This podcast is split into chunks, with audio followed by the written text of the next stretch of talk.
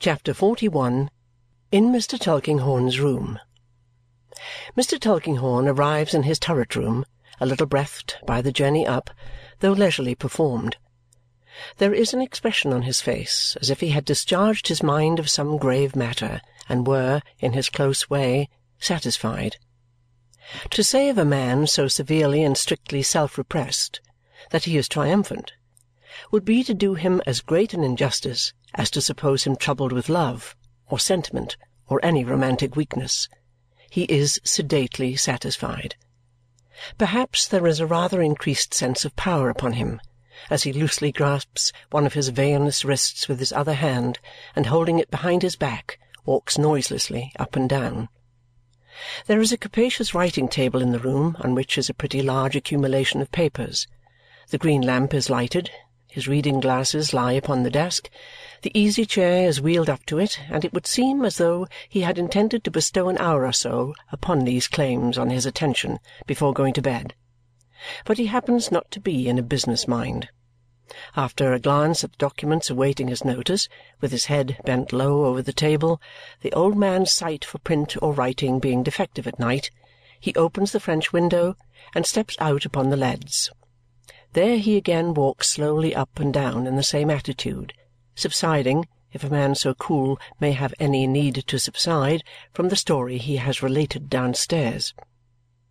The time was once when men as knowing as Mr. Tulkinghorn would walk on turret tops in the starlight and look up into the sky to read their fortunes there.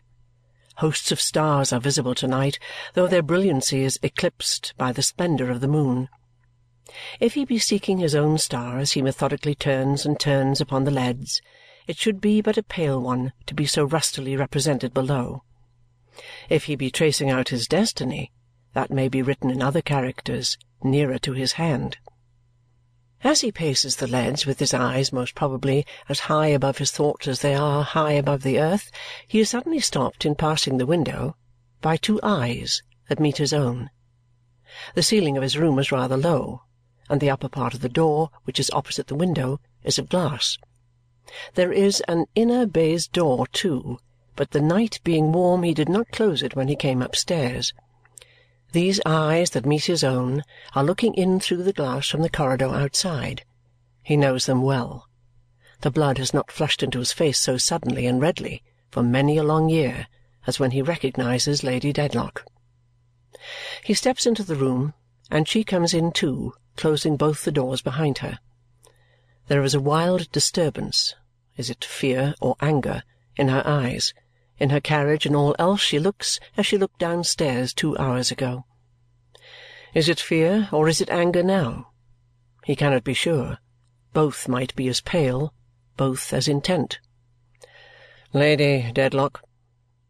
She does not speak at first, nor even when she has slowly dropped into the easy chair by the table. They look at each other like two pictures. Why have you told my story to so many persons. Lady Dedlock, it was necessary for me to inform you that I knew it. How long have you known it? I have suspected it a long while, fully known it a little while. Months? Days. He stands before her with one hand on a chair back and the other in his old-fashioned waistcoat and shirt frill, exactly as he has stood before her at any time since her marriage. The same formal politeness, the same composed deference that might as well be defiance. The whole man, the same dark, cold object at the same distance, which nothing has ever diminished. Is this true concerning the poor girl? He slightly inclines and advances his head, as not quite understanding the question. You know what you related. Is it true? Do her friends know my story also? Is it the town talk yet? Is it chalked upon the walls and cried in the streets? So, anger and fear and shame, all three contending. What power this woman has to keep these raging passions down! Mr. Tulkinghorn's thoughts take such form as he looks at her, with his ragged grey eyebrows a hair's breadth more contracted than usual under her gaze. No, Lady Dedlock, That was a hypothetical case, arising out of Sir Leicester's unconsciously carrying the matter with so high a hand, but it would be a real case if they knew what we know. Then they do not know it yet? No. Can I save the poor girl from injury before they know it? Really, Lady Dedlock, Mr. Tulkinghorn replies, I cannot give a satisfactory opinion on that point. And he thinks, with the interest of attentive curiosity, as he watches the struggle in her breast, the power and force of this woman are astonishing. Sir, she says, for the moment obliged to set her lips with all the energy she has, that she may speak distinctly. I will make it plainer. I do not dispute your hypothetical case. I anticipated it and felt its truth as strongly as you can do when I saw Mr. Rouncewell here. I knew very well that if he could have had the power of seeing me as I was, he would consider the poor girl tarnished by having for a moment been, although most innocently, the subject of my great and distinguished patronage. But I have an interest in her, or I should rather say, no longer belonging to this place. I had. And if you can find so much consideration for the woman under your foot as to remember that, she will be very sensible of your mercy. Mr. Tulkinghorn, profoundly attentive, throws this off with a shrug of self-depreciation and contracts his eyebrows a little more. You have prepared me for my exposure, and I thank you for that too.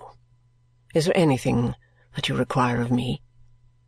Is there any claim that I can release, or any charge or trouble that I can spare my husband in obtaining his release by certifying to the exactness of your discovery. I will write anything, here and now, that you will dictate. I am ready to do it. And she would do it, thinks the lawyer, watchful of the firm hand with which he takes the pen. I will not trouble you, Lady Dedlock. Pray spare yourself. I have long expected this, as you know. I neither wish to spare myself nor to be spared. You can do nothing worse to me than you have done. Do what remains now. Lady Dedlock, there is nothing to be done. I will take leave to say a few words when you have finished. Their need for watching one another should be over now, but they do it all this time, and the stars watch them both through the opened window. Away in the moonlight lie the woodland fields at rest, and the wide house is as quiet as the narrow one. The narrow one! Where are the digger and the spade, this peaceful night, destined to add the last great secret to the many secrets of the Tulkinghorn existence? Is the man born yet? Is the spade wrought yet? Curious questions to consider. More curious, perhaps, not to consider under the watching stars upon a summer night.